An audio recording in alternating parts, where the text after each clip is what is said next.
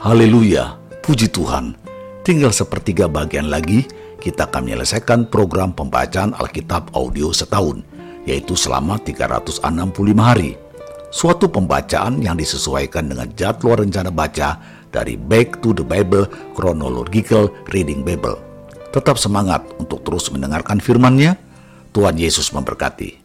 Inilah mendengarkan firman Tuhan hari ke-290. Matius pasal 14 Pada masa itu, sampailah berita-berita tentang Yesus kepada Herodes, Raja Wilayah. Lalu ia berkata kepada pegawai-pegawainya, Inilah Yohanes Pembaptis. Ia sudah bangkit dari antara orang mati, dan itulah sebabnya kuasa-kuasa itu bekerja di dalamnya. Sebab memang Herodes telah menyuruh menangkap Yohanes, membelenggunya, dan memenjarakannya, berhubung dengan peristiwa Herodias, istri Filipus saudaranya. Karena Yohanes pernah menegurnya, katanya, Tidak halal engkau mengambil Herodias. Herodes ingin membunuhnya, tetapi ia takut akan orang banyak yang memandang Yohanes sebagai nabi. Tetapi pada hari ulang tahun Herodes, menarilah anak perempuan Herodias di tengah-tengah mereka dan menyukakan hati Herodes, sehingga Herodes bersumpah akan memberikan kepadanya apa saja yang dimintanya. Maka setelah dihasut oleh ibunya, anak perempuan itu berkata, Berikanlah aku di sini kepala Yohanes Pembaptis di sebuah talam. Lalu sedihlah hati raja, tetapi karena sumpahnya dan karena tamu-tamunya diperintahkannya juga untuk memberikannya. Disuruhnya memenggal kepala Yohanes di penjara, dan kepala Yohanes itu pun dibawa orang di sebuah talam, lalu diberikan kepada gadis itu, dan ia membawanya kepada ibunya. Kemudian datanglah murid-murid Yohanes Pembaptis, mengambil mayatnya dan menguburkannya. Lalu pergilah mereka memberitahukannya kepada Yesus. Setelah Yesus mendengar berita itu, menyingkirlah ia dari situ dan hendak mengasingkan diri dengan perahu ke tempat yang sunyi. Tetapi orang banyak mendengarnya dan mengikuti dia dengan mengambil jalan darat dari kota-kota mereka.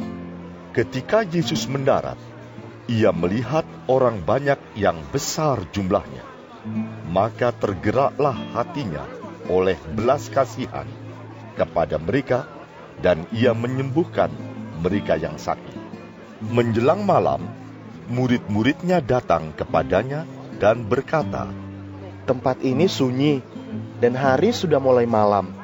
Suruhlah orang banyak itu pergi supaya mereka dapat membeli makanan di desa-desa. Tetapi Yesus berkata kepada mereka, Tidak perlu mereka pergi. Kamu harus memberi mereka makan. Jawab mereka, Yang ada pada kami di sini hanya lima roti dan dua ikan. Yesus berkata, Bawalah kemari kepadaku. Lalu disuruhnya orang banyak itu duduk di rumput. Dan setelah diambilnya lima roti dan dua ikan itu, Yesus menengadah ke langit dan mengucap berkat, lalu memecah-mecahkan roti itu dan memberikannya kepada murid-muridnya. Lalu murid-muridnya membagi-bagikannya kepada orang banyak. Dan mereka semuanya makan sampai kenyang. Kemudian orang mengumpulkan potongan-potongan roti yang sisa, dua belas bakul penuh. Yang ikut makan kira-kira lima ribu laki-laki, tidak termasuk perempuan dan anak-anak. Sesudah itu, Yesus segera memerintahkan murid-muridnya naik ke perahu dan mendahuluinya ke seberang. Sementara itu, ia menyuruh orang banyak pulang. Dan setelah orang banyak itu disuruhnya pulang, Yesus naik ke atas bukit untuk berdoa seorang diri. Ketika hari sudah malam, ia sendirian di situ. Perahu murid-muridnya sudah beberapa mil jauhnya dari pantai dan diombang-ambingkan gelombang karena angin sakal. Kira-kira jam tiga malam, datanglah Yesus kepada mereka berjalan di atas air. Ketika murid-muridnya melihat dia berjalan di atas air, mereka terkejut dan berseru, Itu hantu! Lalu berteriak-teriak karena takut. Tetapi segera Yesus berkata kepada mereka, Tenanglah, aku ini, jangan takut. Lalu Petrus berseru dan menjawab dia, Tuhan, apabila engkau itu, suruhlah aku datang kepadamu berjalan di atas air. Kata Yesus, Datanglah. maka Petrus turun dari perahu dan berjalan di atas air mendapatkan Yesus. Tetapi ketika dirasanya tiupan angin, takutlah ia dan mulai tenggelam lalu berteriak. Tuhan, tolonglah aku. Segera Yesus mengulurkan tangannya, memegang dia dan berkata, Hai orang yang kurang percaya, mengapa engkau bimbang? Lalu mereka naik ke perahu, dan angin pun redalah.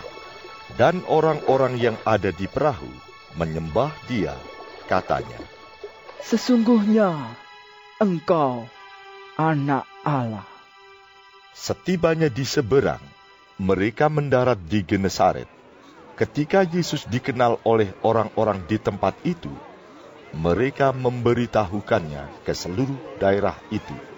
Maka semua orang yang sakit dibawa kepadanya. Mereka memohon supaya diperkenankan menjamah jumbai jubahnya.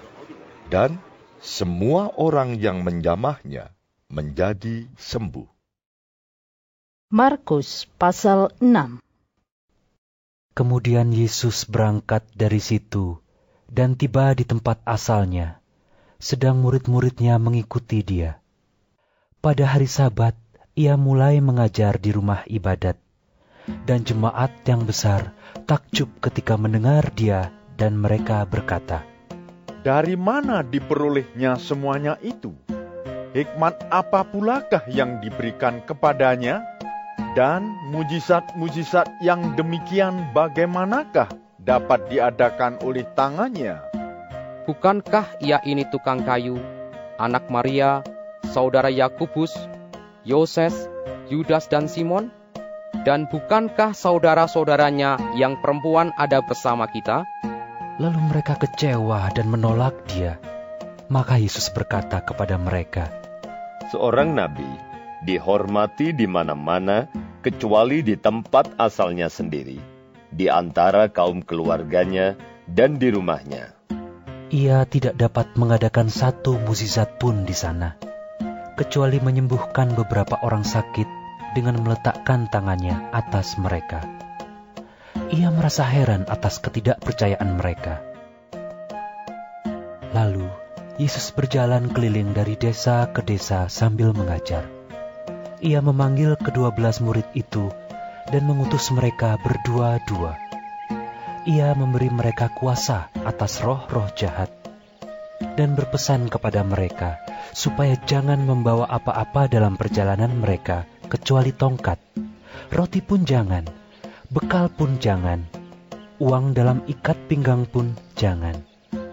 Boleh memakai alas kaki, tetapi jangan memakai dua baju. Katanya selanjutnya kepada mereka, Kalau di suatu tempat kamu sudah diterima dalam suatu rumah, tinggallah di situ sampai kamu berangkat dari tempat itu.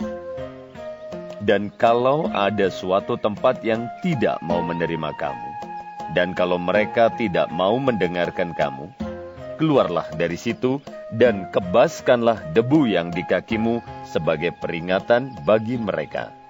Lalu pergilah mereka memberitakan bahwa orang harus bertobat, dan mereka mengusir banyak setan dan mengoles banyak orang sakit dengan minyak dan menyembuhkan mereka. Raja Herodes juga mendengar tentang Yesus, sebab namanya sudah terkenal, dan orang mengatakan, Yohanes Pembaptis sudah bangkit dari antara orang mati, dan itulah sebabnya kuasa-kuasa itu bekerja di dalam dia. Yang lain mengatakan, Dia itu Elia. Yang lain lagi mengatakan, Dia itu seorang nabi, sama seperti nabi-nabi yang dahulu. Waktu Herodes mendengar hal itu, ia berkata, Bukan, dia itu Yohanes yang sudah kupenggal kepalanya dan yang bangkit lagi. Sebab memang Herodeslah yang menyuruh orang menangkap Yohanes dan membelenggunya di penjara berhubung dengan peristiwa Herodias, istri Filipus saudaranya. Karena Herodes telah mengambilnya sebagai istri. Karena Yohanes pernah menegur Herodes. Tidak halal engkau mengambil istri saudaramu. Karena itu, Herodias menaruh dendam pada Yohanes dan bermaksud untuk membunuh dia, tetapi tidak dapat. Sebab Herodes segan akan Yohanes, karena ia tahu bahwa Yohanes adalah orang yang benar dan suci, jadi ia melindunginya.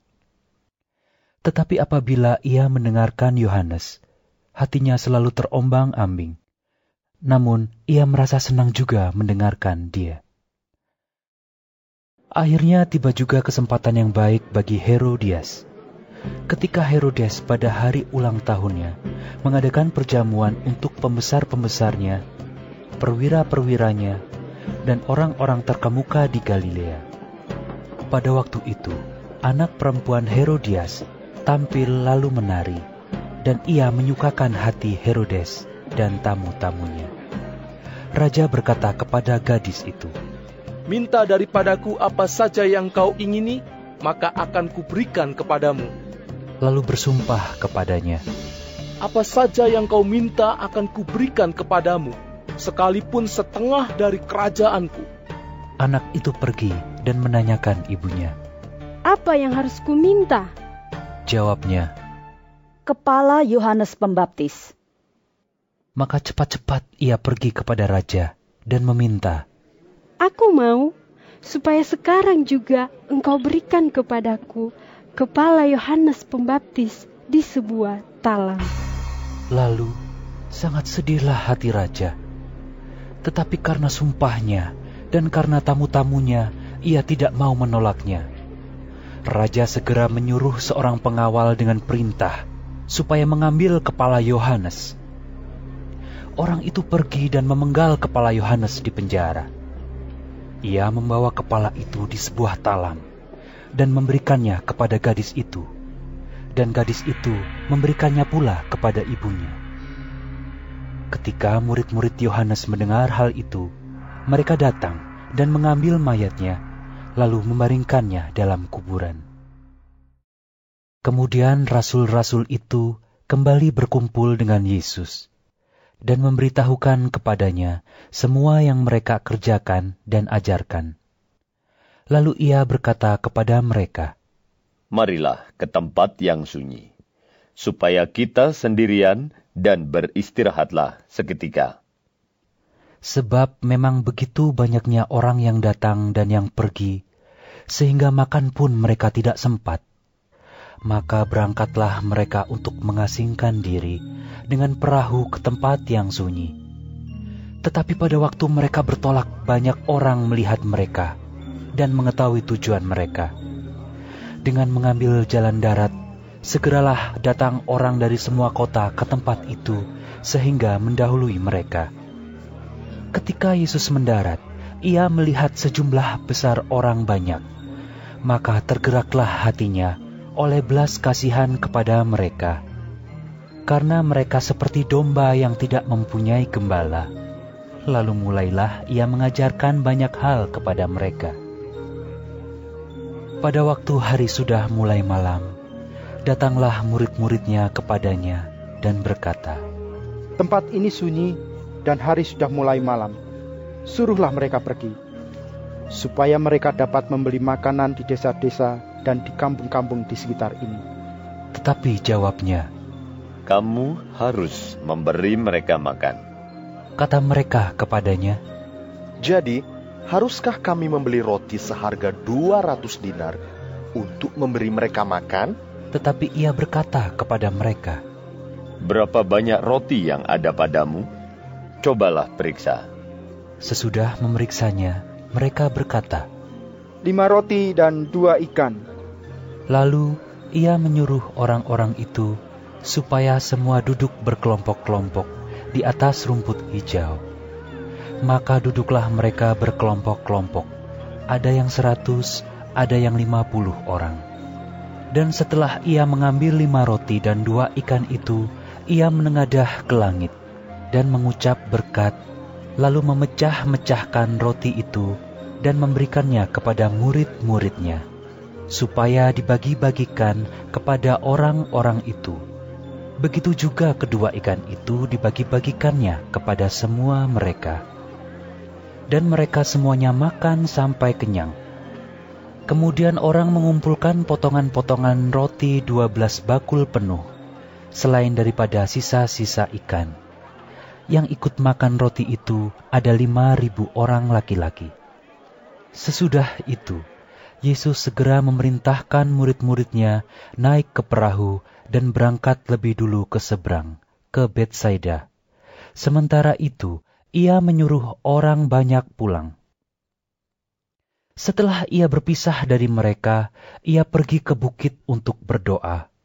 Ketika hari sudah malam, perahu itu sudah di tengah danau, sedang Yesus tinggal sendirian di darat.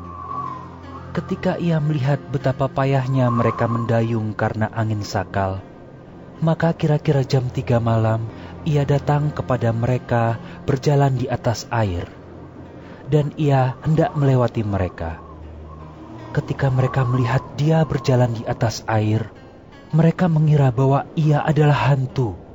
Lalu mereka berteriak-teriak, sebab mereka semua melihat dia, dan mereka pun sangat terkejut. Tetapi segera ia berkata kepada mereka, Tenanglah, aku ini, jangan takut. Lalu ia naik ke perahu mendapatkan mereka, dan angin pun redalah.